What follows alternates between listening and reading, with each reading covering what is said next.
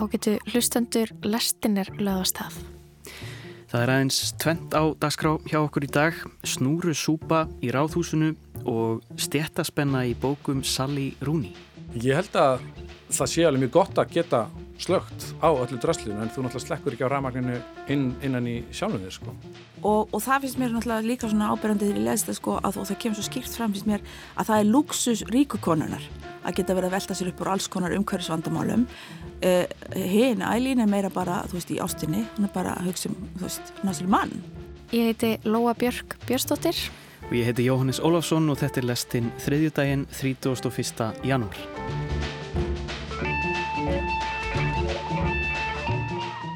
og við ætlum að byrja á rafmagnaðari myndlist.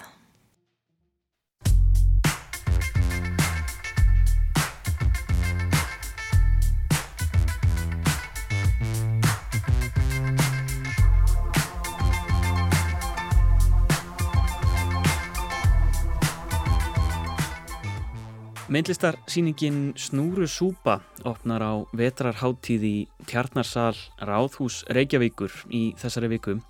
Í kynningu fyrir síninguna segir rafmagnið flæðir um allt, innan í okkur, um tækin sem eru framlenging okkar, undir fótum okkar, yfir höfðum okkar, um dýrin og plönturnar í leiðslum, snúrum, taugum, köplum, strengjum. Samskipti rafmagn, minningar, rafmagn, reyfing, Ramagn, tilvistin er snúru súpa. Sjö listamenn taka þátt í að hræra í þessari snúru súpu og tvö þeirra eru sest hjá mér. Alli Bóllarsson og Una Segtryggsdóttir veriði hjartanlega velkomin. Takk. Takk fyrir það. Þetta er skemmtilega óljós lýsing á uh, þessari síningu og mér langar að vita meira. Uh, Rafmagn er náttúrulega allt um líkjandi en, en af hverju er þetta einhvern veginn og er þetta búið að vera vel, velkjast lengi fyrir ykkur? Svona í, í ramagskollinum ykkar. Allir, vilt þú byrja? Já, sko ég held að það sem að okkur langaði til að gera var bara að hóa saman listamönnum sem hafa með einum eða öðrum hætti unni með ramagn í, í síni list. Og ég hef gert það og uh, við öll með einhverjum hætti og við einhvern veginn nálgust það samt held ég með talsvert ólíkum hætti. Og eins og textin sem þú last kannski gerir grein fyrir þá er ramagnir sko, við erum mjög gjörna að hugsa um ramag sem eitthvað sem við stingum í samband eða mótora eða eitthvað slíkt. Mm -hmm. en það er náttúrulega líka ramagn innan í okkur, þú veist, það streymir ramagnum um, um taugarnar og, og það gerir það í öllum lífverum. Um, þannig að við erum kannski líka svolítið að brjóta upp sko þessa mynd sem fólk gerir sér, eins og ég segja af bara svona hérna einhverju möstrum og slíku sko og hugsa þetta í víðara samingi án þess þó að fara mikið inn á svið tölvutækninar. Við svolítið skiljum hana eftir, þannig að við erum í svona skoðum ramagnir kannski allt áður en það fer að verða, verða stafrænt.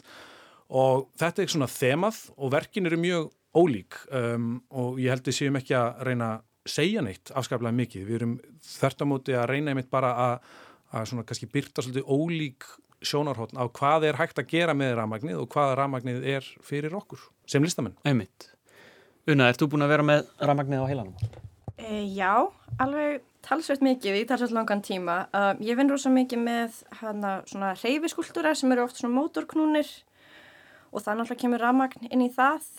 En fyrir þessa síningu þá uh, gerði ég verk sem er eiginlega að reyna að fjallum ramagn á tvönnskonar hátt. Það er annars vegar út af því að það er rafknúin skúltúr sem reyfist með ramagni en svo var ég líka að reyna að skoða svolítið einmitt þetta rafmagn í líkamannum eins og allir var að tala um þarna, sem flæðir í gegnum tauganar og ég er að skoða svolítið snertiskinnið í fingur, gómum og öðrum viðkvæmum hlutum líkamanns handleik, innri handleik og eitthvað svo leiðs um, þannig að það er svona bæði myndefnið og sjálfur skúltúrin sem er að skoða rafmagnið mm -hmm. á þann hátt. Já Þannig að þeir eru kannski frekar að pæli í þá uh, svona einhvers konar svona lífrænu ramagni eða hvernig ramagn einhvern veginn ekki þessi hérna, þessi tæki og, og tól frekar skoða stærri, stærri svið þessa fyrirbæris. Það er kannski fleira undir getur við sagt, sko,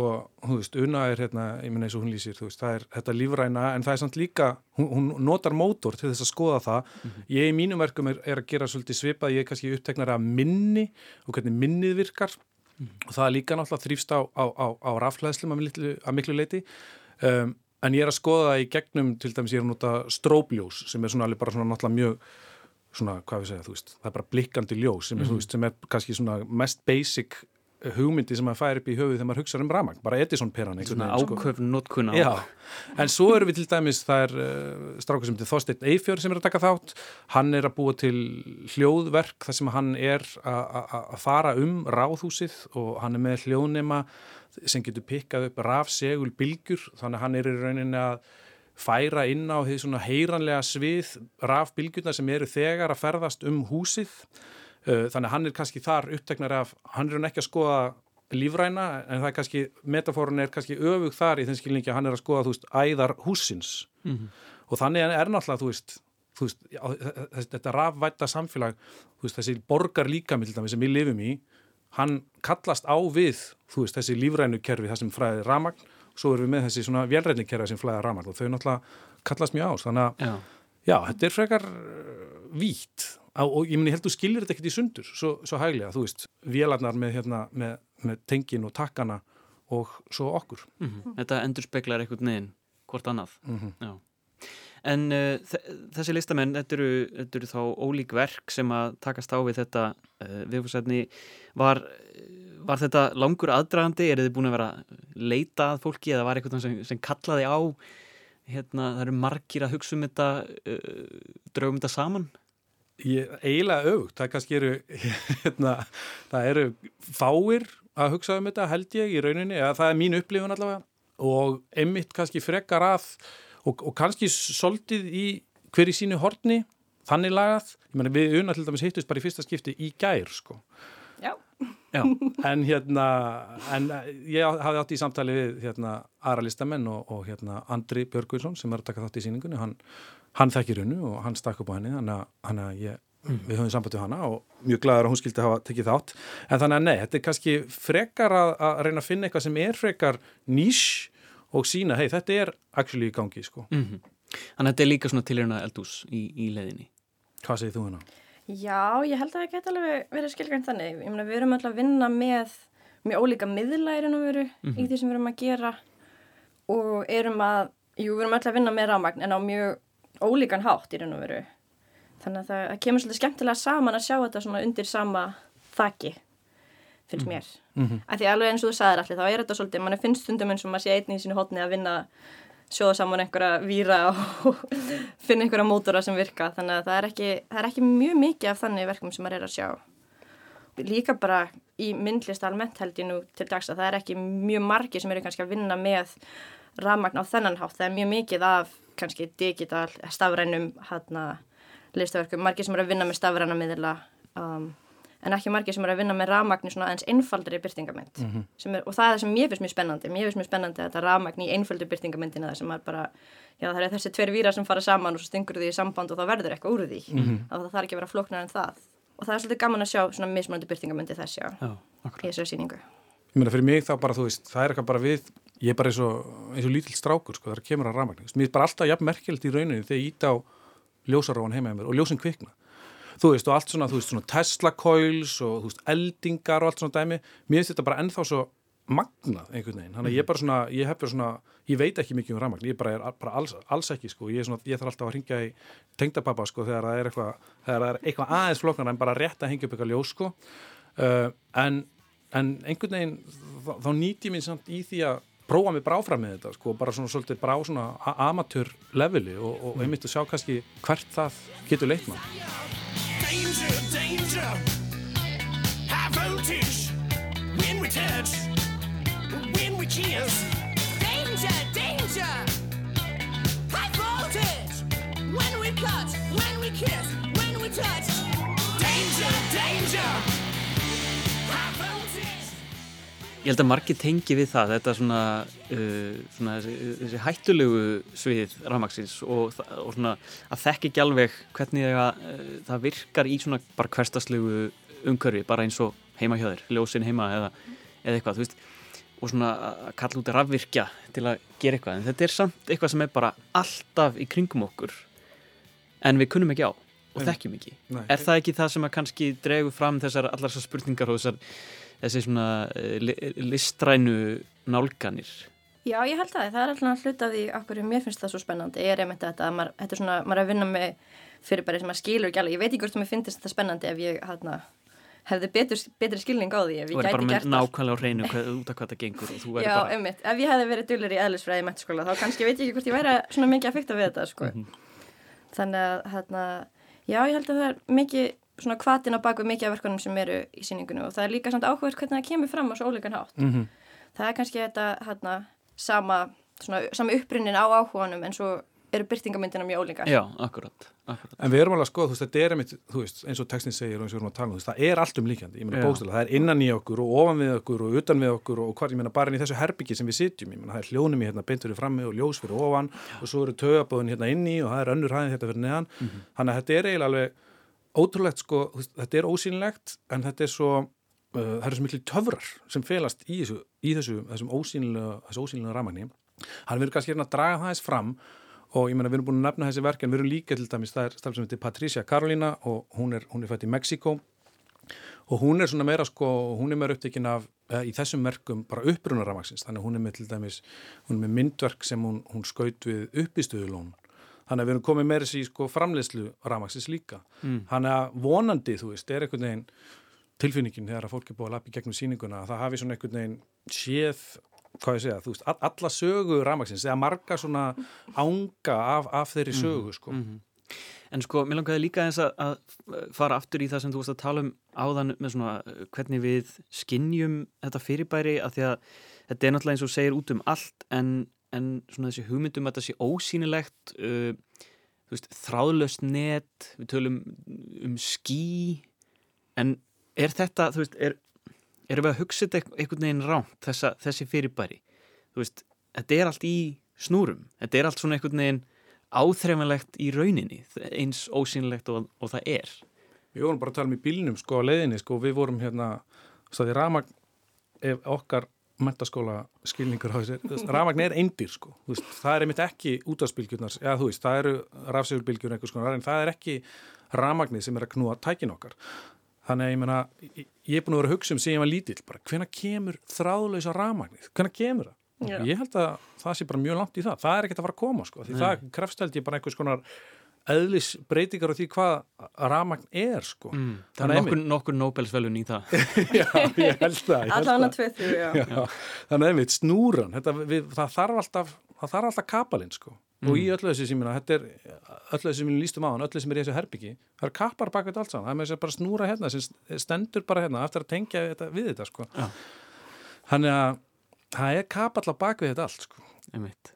og taugar og, og þræðir strengir Snúrur. Já, akkurat en, eh, en svo er þetta líka á sko uh, bara niður í inn í atóminn sko Þú veist, þetta, er, þetta er líka þar þar er upprunnin þú veist, við, við erum að tala um eitthvað sem við munum kannski aldrei sjá og, og, og einhvern veginn getum bara að talað um sem mjög abstrakt hluti mm -hmm. Mhm. uh, er, er, er einhver að, vinna með það þessi svona, það sem er alveg lengst í atómunum? Lengst hún í djúpið. Nei, ég heldur sem ekkit svona sem fæst við raf eindina sem slíka, sko, ekki sem, sem viðfangsefni beilinnis uh, já, sem er náttúrulega grunnurinn aðeins, þetta snýst, fæst náttúrulega allt í það. En svo er náttúrulega mikilvægt að hafa það í huga að við vitum ekkit uh, það er náttúrulega áhörnendur sem að sjá um að mm. tólkaverkin, sko. Við erum bara svona með eitthvað útgangspunkt, sko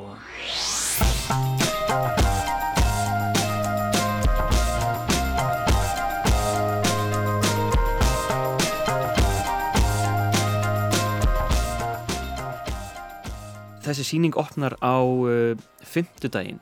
Segð mér aðeins bara frá því, opnuninni og, og hvena verður þetta aðgengilegt og, og svona. Já, hún opnar núna á fymtudaginn klukkan 6 uh, í Ráðusir Reykjavíkur og hún er opin, hún er svolítið skemmtilega um opnunatíma, við erum bara með opið á kvöldin, hún er opin frá hálf sjö til Halvellu, hálf ellefu kvöldin, er það fram á 50. fæstudag, lögadag, sunnudag fram á sunnudag þannig að það er líka svolítið skemmtileg upplifun maður fær alltaf bara að sjá hana ekki í dagsbyrtu það er bara hérna einhvers konar ramagsbyrta sem fær að lýsa upp þar. Um, já, hún er hlut af hérna vetrahátið mm og það er sko, þetta er rauninni sko það er alltaf, svona hryggjast ekki í vetarhátti heitir ljósaslóð sem eru svona nokkur oft stökverk eða litla síningar sem að liggja þá rauninni frá eða til Hallgrímskirkju eftir því hvernig er hort á það og vetarhátti hefst á fyndudag og ég held að verði hérna einhver stór vörpun þar og, og svo er rauninni er hægt að skoða held ég bara vetarhátti.is eða þú veist kort þess að að þessum perlum að þessari perlufesti sem að liggur niður í ráðhús. Mm. þannig að það er hérna svona síningin okkar er annar endirinn á þessari ljósaslóð. Akkurat, en það eru spennandi dagar framöndan en eh, áðurinn í slepp ykkur, mér langaði aðeins að ræða sko að því að svona í, í umræðinu um, um tækni og svona þá þá kemur oft svona, eh, svona viðbræð við því. Uh, fólk sem að til dæmis fer af internetinu, fer af samfélagsmiðlum. Mm. -hmm. það er engin leið út úr ramagninu það er engin leið einhvern veginn, þú veist, að því að við tölum ekkert mikið um það að slökkvaljósin nema kannski bara í spartnaðarskinni eða í kannski í tengslu við umhverfismál eða mhm. eitthvað svoleiðis eða ljósmengun mm. er þetta eitthvað sem þið eru það velta fyrir ykkur? Mm -hmm. Þú veist, umræðan þokast alltaf off the grid í dag, þá hugsa maður kannski ekki á netinu, en ég held að þú veist off the grid fyrir 60 árið síðan, þá bara off the electric grid, sko um, ég menna, þú veist, við erum náttúrulega svo ógeðslega djúft og nýðis að ég held að við sjáum ekki einu svona hver væri hinn mögulegi ábati af því að vera lausir rammagn, er samt, en ég menna þó fólk, ég menna fólk vil fara í svona einhverja, einhverja mjög röstig bústaði skiljiði, þú veist, þess að einhvern veginn ná jarðtengingu sem að reynda ramagn þar náttúrulega líka sko hérna, þannig að jú, ég meina, ég held að það er til þannig fólk skilur og það er náttúrulega til en, en þann dag í dag náttúrulega bara fólk sem hefur ekki kynst ramagn eða hefur kannski kynstu en ekki nema þá sem hvað sé að mynd fyrir einhvers konar sko ofbeldi eða ágang sko, mm. nú er ég mm. bara að hugsa um þú veist frumbyggja og, og, og annars líkt sko Já. þannig að hérna Ég held að það sé alveg mjög gott að geta slögt á öllu drasslinu en þú náttúrulega slekkur ekki á ramagninu inn, innan í sjálfum þér sko. Já. Nei, alls ekki og ég held að líka eins og þú segja þá hérna er erfitt að sjá svona hvaða er sem maður myndum vel að fá út úr því að aftengjast algjörlega ramagninu. Það er svona kannski meira finnst mér mikilvægt að vera meðvitaður um það eins og við vorum að tala um á þann þetta er ekki allt skí, þetta er ekki allt hérna fljótandi wifi í loftinu, þetta eru hérna, efnislegir hlutir og þetta eru snúrur og tæki sem eru út um allt. Þannig að mhm. fyrir mér er það kannski áhugaverðara að hugsa meira um það, hugsa um hversu efnislegt þetta er í raun og veru og hvað, hvaðan rafmagnin kemur, hvert það er að fara og, svona, og hvert, hana, hvernig það er nýtt meira en kannski hvort að maður getur losa sér algjörlega við það. Já, það verður kannski snúrusúpan eftir 40-50 ár. Já, mögulega. Aðri listamenn að pæli því. Unna Seitríksdóttir og Alli Bóllarsson takk hjálpa fyrir komuna í, í lestina og gangi ykkur vel með snúrusúpuna Takk hjálpa Takk hjálpa fyrir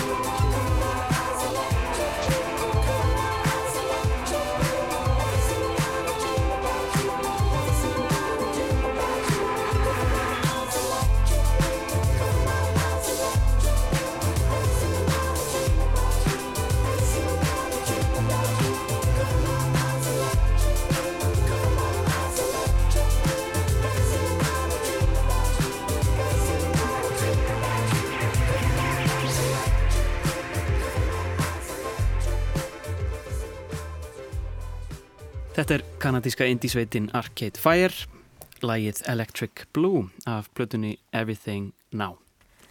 Já, svona mátulega nýtt indie rock. En þá ætlum við að færa okkur yfir til Írlands og velta fyrir okkur húsnæðismarkaðnum, stjættavitund og menningar auðmagni í tengslum við bækur Írska reytöfandarins Sally Rooney.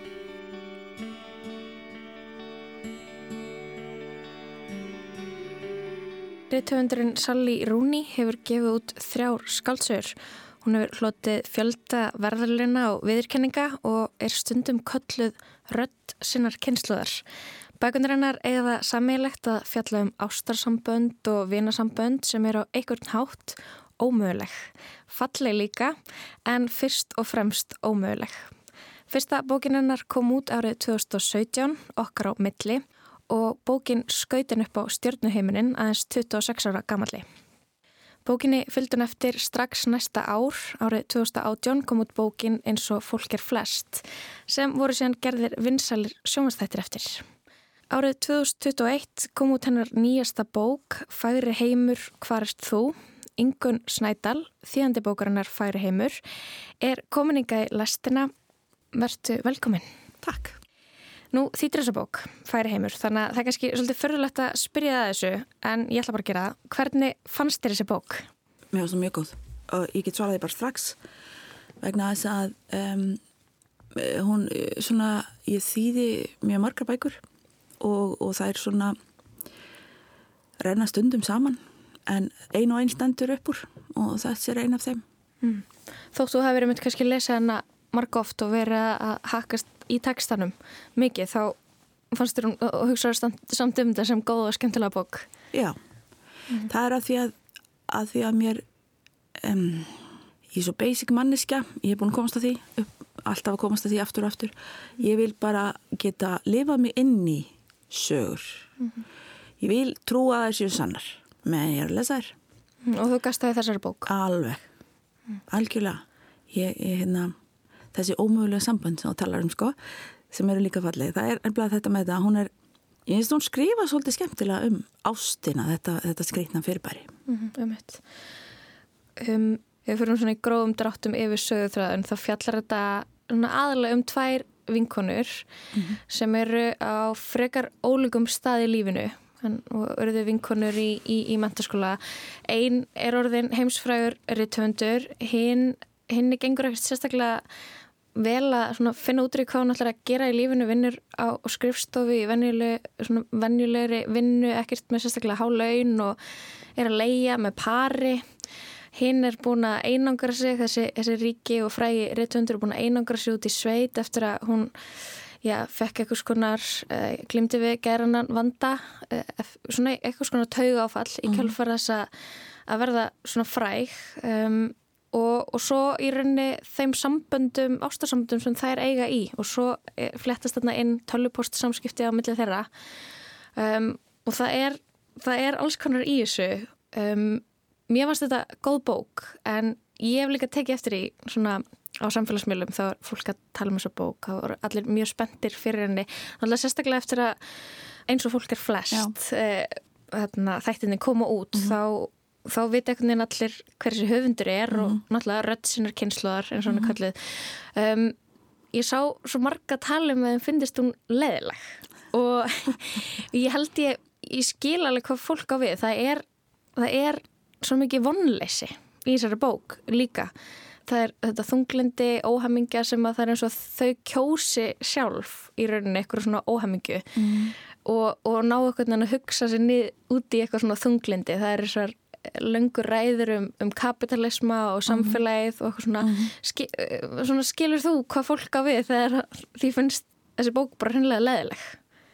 Ég held að ég sko ef ég ímynda mér einhvern lesendahóp sem að les kannski fyrir bækurnar mér fannst sjálfur þegar ég las þær að þær væri meira, þú veist, svona, þetta var svona eitthvað táninga tvítugs og dæmi sem að ég tengdi ekkit rúslega mikið við sem sjálf, ég er bara miklu eldri mm -hmm.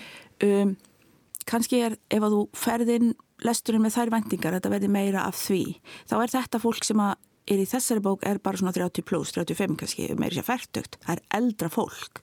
Það er á öðrum stað og talar um aðra hluti kannski og öðruvísi. Mm. En mér varst einmitt sko, gaman að skuli segja þetta með hérna, þessi ólíkum stað í lífinu, ég er líka verið að spekla í sko, í raun og veru sko, veist, þá er þetta samt Þær eru báðar bara kvítar, millistjættar, mentaðar og koma frá sama stað, sama landi, litla landi, skilur, forréttindalandi eins, eins og við erum. Og, og í, í sjálfu sér er sko, og, og þá hún vinnir láleinavinnu, þá er hún, þetta hún er vinnur á bókmyndatímariti sem er eitthvað svona, veist, Það er svolítið flott. Það er svolítið flott sko, þó að maður fá lág laun og hún læti sér hafa það, það, það, það er svolítið flott. Þetta er, þau eru menta elita. Mm -hmm. En hana langar, að, að það sem mér veist kannski svona það sem kristallar að séu á ólíkum stað í lífun er að þær, þær verða spáður einhvern veginn eiga draumum að vera að skrifa Já. og einni hefur tekist að koma efninu sínu út Já. og sló algjörlega í gegn Já. og er svona eitt görl eins og Sally Rooney. Og Sally Rooney er svolítið held ég að skrifa hennan karakter, hún er svolítið að skrifa sig inn í hennan karakter. Býr, Sally Rooney býr líka í sveitinni. Hefur svona lokað sig af og vill bara einbæta sig að því að skrifa. Og er búin að koma staði hvað það er í rauninni mikið kæftæði að verða svona frægur og, og vinsæl svona ungur. Og, og hvað er veginn flókið. En hinn til dæmis hinn konan sem vinnur á bókmyndatímaritinu hún á þetta uh, á fábrotnara líf en langar að koma ykkur út en eitthvað stoppar hana. Já, regla mjög margir í Íslandíkar sem tengja við það mm -hmm. að, að því að við erum nú eitt skrifandi. Sko Já, ég var nú einhvern tíma sko, einmitt þetta, hún, hún skrifar, ég, þegar ég las það fyrst þá var ég alveg bara, ó, Sally Rooney er að skrifa um sjálf og sig, en svo er náttúrulega, er hún ekki að gera það, en hún er kannski að skrifa um konu sem er, hefur fett að sömu slóð og hún að sömu leiti og, og, og líka, hún raun og veru varar við leika við því í tekstanum, að þú veist, þegar þennan hún Alice tekur alveg bara, þú veist, geðvansku köst yfir því að lesendurinnar uh, þykist tekjana eftir að hafa lesið bækunarinnar mm. og það er einhverju kannski svona pínu vísbending sko, e, auðvitað þekkjum hann ekki. Og þetta er kannski um hana, kannski ekki og þetta er umfyllt á öðru fólki líka örugla mm. og skiptir en, kannski ekki máli. skiptir kannski ekki máli en hún er öruglega náttúrulega að skrifa af einhverju reynslu og, og, og kryttar þetta með alls konar líka skemmtilegum svona notabýtingum og skotum í, í, í þú veist þetta, þetta bókmynda elitu mm. hún, hún hún gerir þetta bara svo vel, hún, Róni, finnst mér hún skrifar alveg óhemju vel, mhm. finnst mér mm -hmm. hún svona hún er kaltæðin hún er líka tilfinninganæm og hún, svona, hún er fyndin hún er beitt hún, er beitt. Hún stingur í óþægilega hluti sem er óþægilegt að tala um já, já, og bara einhvern veginn svona já, minnst hún gera það vel mm -hmm. ég, hérna, þú veist, hún er, minnst hún góður penni, mjög mm -hmm. mitt, uh, mér var svona að hugsa til þess þessara bókar þegar að Já, það spratt upp svona umræða í bókmyndaheiminum á Íslandi þegar við vorum að tala um hver fæðist inn í fjölskyldur, bókmyndafjölskyldur, mm. alls konar svona.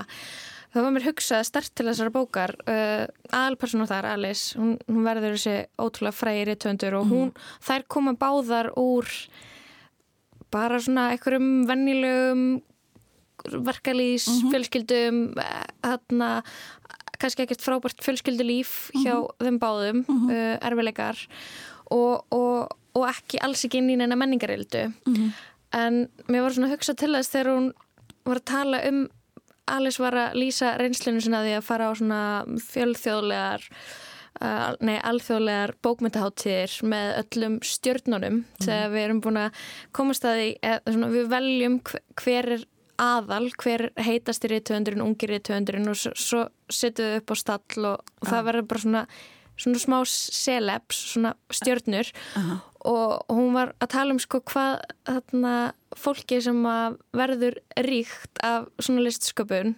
skaldskap uh, hættir að geta skrifað um raunveruleikan og upplifun venjulegs fólks í mm. rauninni mm. og mér finnst það áhugaverður punktur sem já við svona tölum ekki um að sko þegar storðin svona frægur og úr, mm -hmm. úr samhengi við vennilegt líf mm -hmm. hvað hefur þá að segja mm -hmm.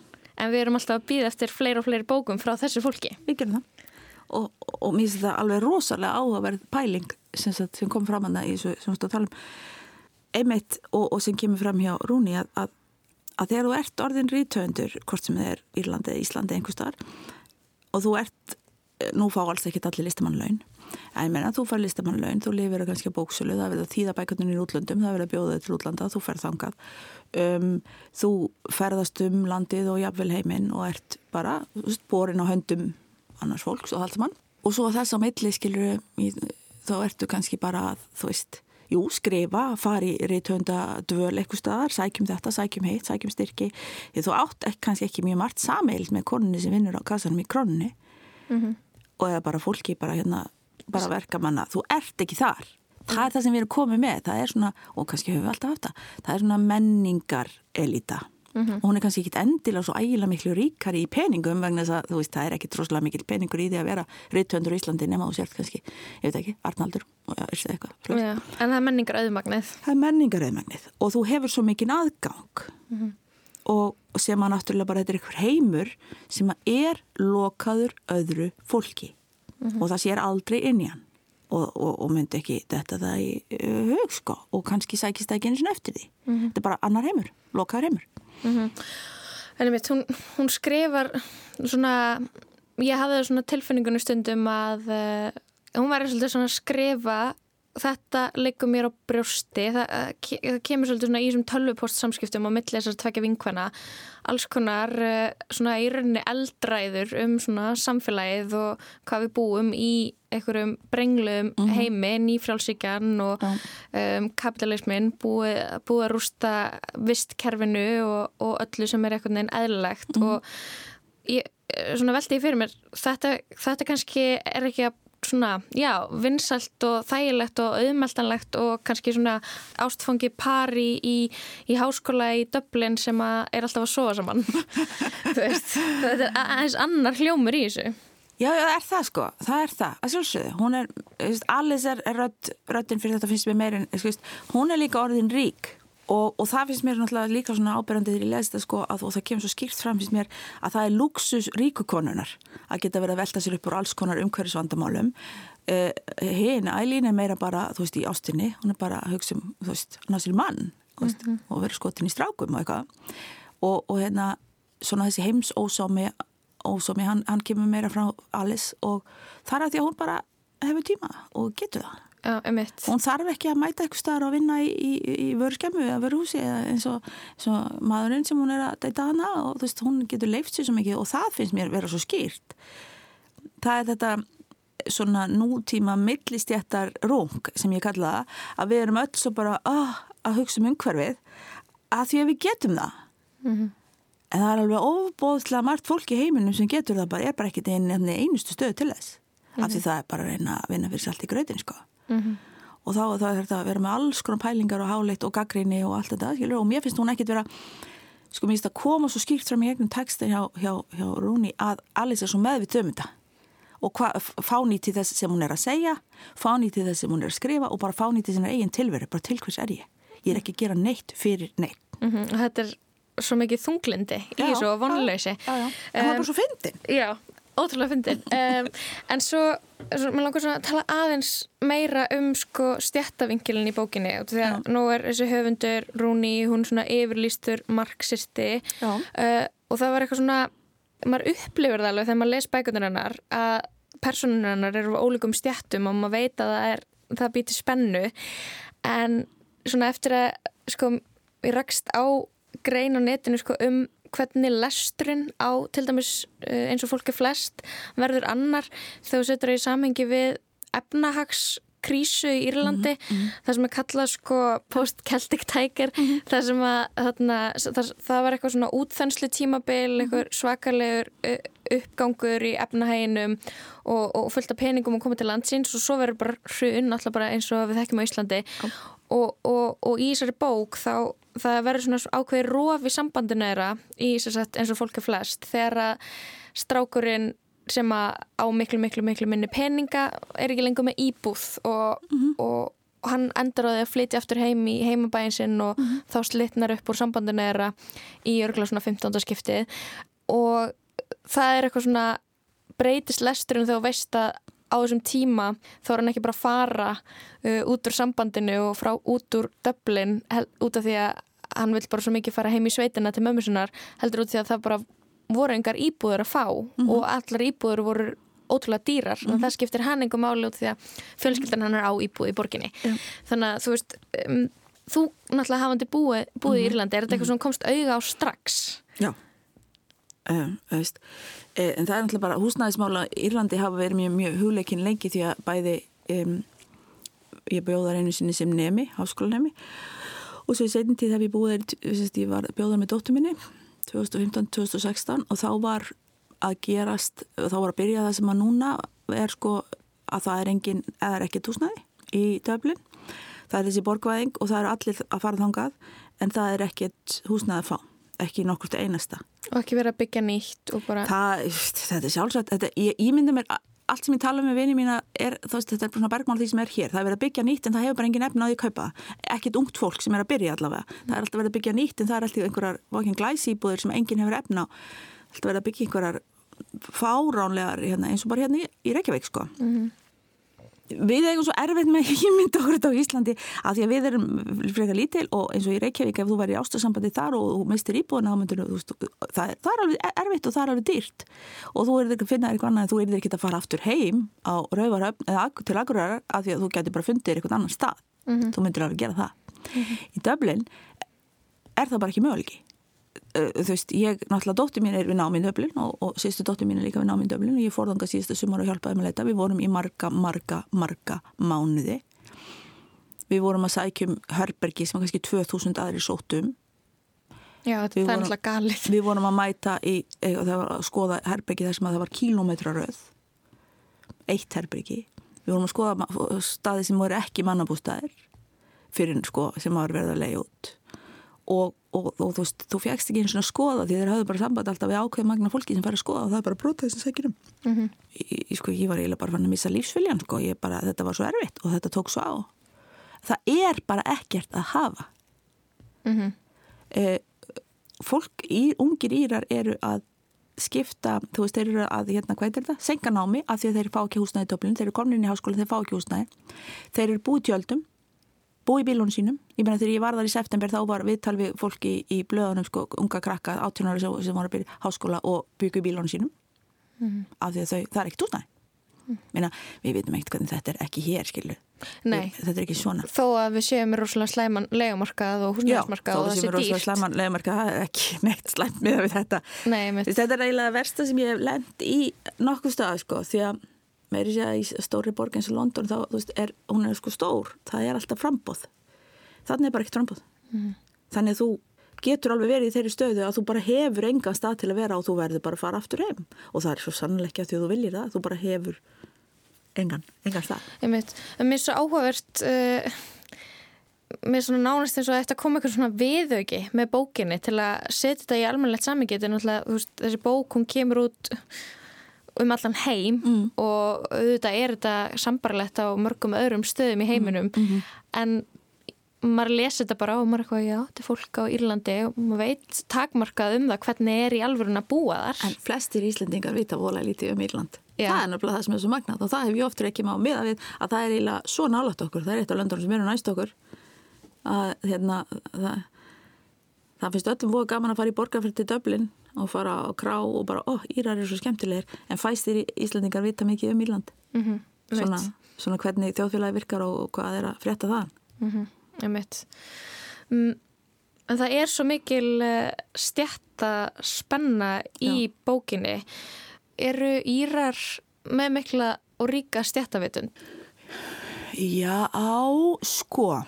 Ég get bara talað út frá því sem nú er ég bara þú veist svona mentuð millistættakona sko. Ég get í raun og veru bara kannski talað út frá því en það, það, það, þú veist Írlandi er alltaf sérstaklega er svo mikil svona söðupottur, Dublin er, er ekki stór, hún er lítil en það blandast mjög margt saman líka, líka innflytjendur, flótamenn og líka bara fátækir Írar um, og þessi það er nú áhugavert núna hef ég sjá núna í fyrsta skipti, þetta er í fyrsta skipti sem ég sjá í blöðunum núna að það verða að gera það sama og það verða að gera hér að reyna að stilla sem sagt uh, flottamönnum og fólki sem á virkilega bátt upp á móti, þú veist bara við þurfum að hjálpa okkar eigin fólki áður en við hjálpum, þú veist, maður, þetta er í fyrsta skipti sem ég hef séð þessa orðræðu í Írlandi mm. sem er verið að reyna að plöka hérna með misgóðum árangri og er náttúrulega algjörlega fyrirlitleg mm. Ég, þegar, þegar við byggum hana, ég stelpa mín sko fyrir nokkrum árum, þá var hún í skóla með, og, og ég vissi ekkert um þetta þegar ég var að leta skóla fyrir hana þegar áðurinn fórum út. Og ég sótti bara um í skólum og fengum lítil svör en Írar er náttúrulega feimsli þess var ekki tölupóstum og er ekki mikið í svona svoleiðis, ekki einu sinni skólar komst ég að, mm -hmm. um, þannig hún komst í einhvern skóla og ég bara svona frábært! Svo komst það að því þegar við fórum þannig að þetta var skóli mjög svona, já, við skulum segja dúbjus hverfi og þú veist, það eru hverfi sem eru dúbjus og eru bara lástjættar og þar er, er húsnæði ekki upp á marga fiska. Og hún var í skóla með krökkum og í bekk með krökkum sem voru svona, svona fourth generation unemployed sko, svona fjórðukynsluður aðtullaus og það er þá bara þú hefur ekki vinnu og ekki mammaðinn og ekki ammaðinn og ekki, veist, það hefur enginn í, í þessari fjölskyldu haft vinnur, þau hefur bara verið að bótt bara forever. Og hún var í skóla með krökkum sem voru eh, þú veist að ég gaflar henni þá fyrir 15 ára átt kannski 8 yngri sískinni skilur það mm. og ekkert vegabrif eh, skilur mm -hmm. að því að svo var að fara í skólaferðala og þá gáttu sem er ekki farið með þetta þeir áttu ekki passa og þetta er, þetta er mjög langt frá því sem við þekkjum hérna á Íslandi allavega sko við sem erum í kringum mig ég er eiginlega alveg vissum að það er fólk hérna á Íslandi sem hefur það ekki mikið betra núna sko mm -hmm. en, en þú veist þetta var alltaf bara eitthvað veruleiki sem að var fyrir hana alveg bara wow uh, þú veist hún kom bara heim og var bara mamma þú veist, mig var ekki vegabrif skólanir eru mismunandi þú ferði mismundi skóla eftir í og svo er það náttúrulega skóla sem kostar bara alveg formúu það eru fullt af enga skólum og það er meiri stjættaskipting en hér, þetta er aðeins starra mm -hmm. Þetta eru þannig sé svona stjættina sem að personar í, í bókum Sali Rúni mm. tilhera það eru mm. svona uh, ungir sérfræðingar, fólk í stjórnunastöðum ja. uh, fólk sem á kannski pening og, og fæðist inn í svona mentaða fylskildu og svo aðeins meira svona verkalýs, mm. aðeins meira fátækt enginn í sára fátækt, engir innflytjandur og engir milljaramæringar. Mm -hmm, mm -hmm. Þannig að þetta er svona, það er eitthvað svona lítið sem skilur þess að stjættir að en það, það verðist vera bara óendilega langt á milliðra og það er ekki hægt að tala um það.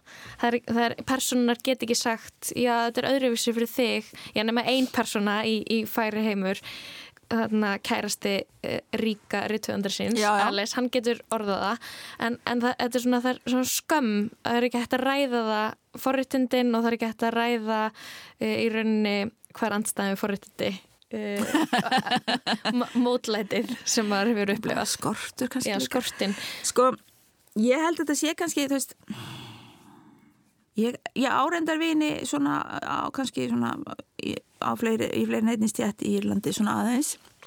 Uh, ég held að þetta sé kannski líka það að meðan þú ert bara innan þinnan stjættar þá er engin skömm. Mm. og, og fólk í raun og veru er ekki ekki með neina skömm, það skammast sín ekki í tilverðinni, það ber sig ekki eins og skammast sín það talar ekki eins og skammast sín, ég meina þú þú hittir fólk og talar fólk og það allt saman. Og það er bara á sínu stað og bara lifir sínu lífi. En ég hugsa eins og það er eins og, er eins og fólk er flest og, og, og líka í, í um, hvað er hefur.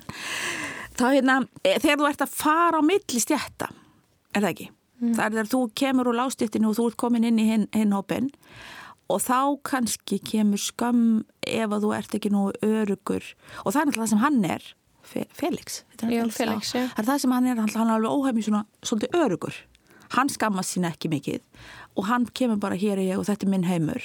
Og bara up yours. Og hann, maður mætti fara, fara rauk fyrir því að hann er svolítið, meiri bara svolítið vondur við hana. Mm -hmm. hvort sem að, svo getur við farið dýpra í það, sko, er það kannski að því einsteginni skammast hann sín rosalega mikið yeah. og, já, já, meina, en, en sko hann stendur bara með sér skilur Já, ég, kannski á yfirborðinu Á yfirborðinu stendur hann allavega með sér Hann er náttúrulega svona underdog hann er lítilmægnin þannig hann á enga peninga hann vinnur ykkur dead end jobbi og, og er með lífið alveg allt á hælan skilur mm -hmm. og skulda pening Já, það er svo auðvelt fyrir okkur og það er það sem hann gerir svo vel sko, ég menna það er svo auðvelt að skrifa að, að, að konan sé alltaf einhvern veginn svo ástþurfi og, og kallin, kallin er sá sem er svona leðilegur en hann er náttúrulega samt lítilmægnin í þessu mm -hmm. Gagvart henni, af því hann Algjörlega. er virkilega, veist, þetta er virkilega ókanna svæði fyrir hann að vera í félagskap við þetta fólk. Mm -hmm. að hann reynir að halda sínu. Mm -hmm. og, það sem allir eru klárir og mentaðir og, ja, er, og ég, myndi, þessi tónar myndu mig á eins og fólkur flest mm -hmm. alltaf og ég held að það geti mögulega verið veist, þetta er að þú ert að tegja þig út fyrir þinn ramma, ramman sem þér ætlar og þér er búin að þá náttúrulega rekstu á alls konar. En mér finnst hún gera þetta alveg óhefmi vel. Mhm. ég er mjög hrifin að því hvernig hún skrifar En mælur með því svona, fólk ætlar að lesa Sali Rúnia, kynna sig kannski aðeins írst samfélag og kannski það, svona, þær aðstæðar sem eru uppi þar til þess að fá meira út úr lestrinu. Heldur þú að það getur verið góður við ekki við lestrinu?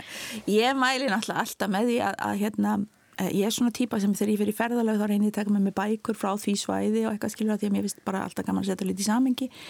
Þannig ég myndi náttúrulega alltaf daginn mæla alltaf með því að, að við taka kannski eitthvað um staðina sem maður er að lesum og svona samfélagi það er kannski, en menn hafa náttúrulega mismöndi miklar forsendur til þess mm -hmm. og líka kannski mismöndi mikið tíma eða löngun og allt saman mm -hmm. það er alveg hægt að njóta þessari bóka mjög vel án þess sko mm -hmm.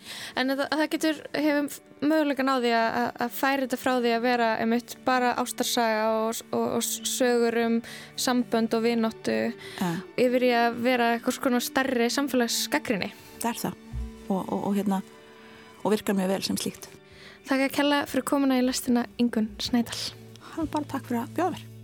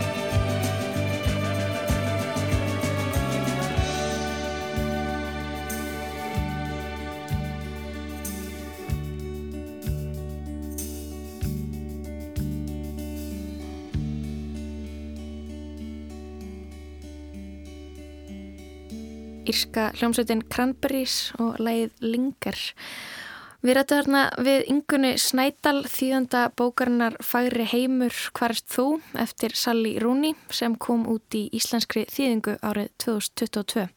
Það eru margir fletir á bókamennar sem hægt væri að ræða. Það er þetta að tala um ástina, sársökan, kvíða og feminisma en við ákvaðum að beina sjónum okkar að húsnæðismarkanum í Dublin og stjættavitund Íra, forritundum og menningar auðmagni, svona að þessu sinni.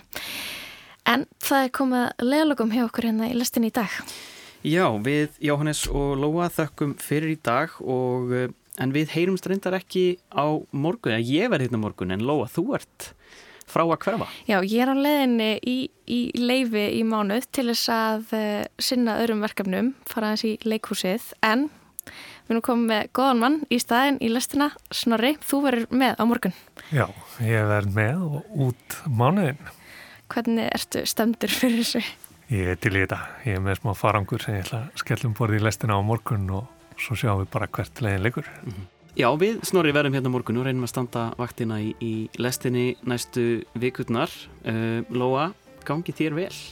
Takk fyrir og sömulegis. Tæknum var í dag var Kormokur Marðarsson. Verðið sæl.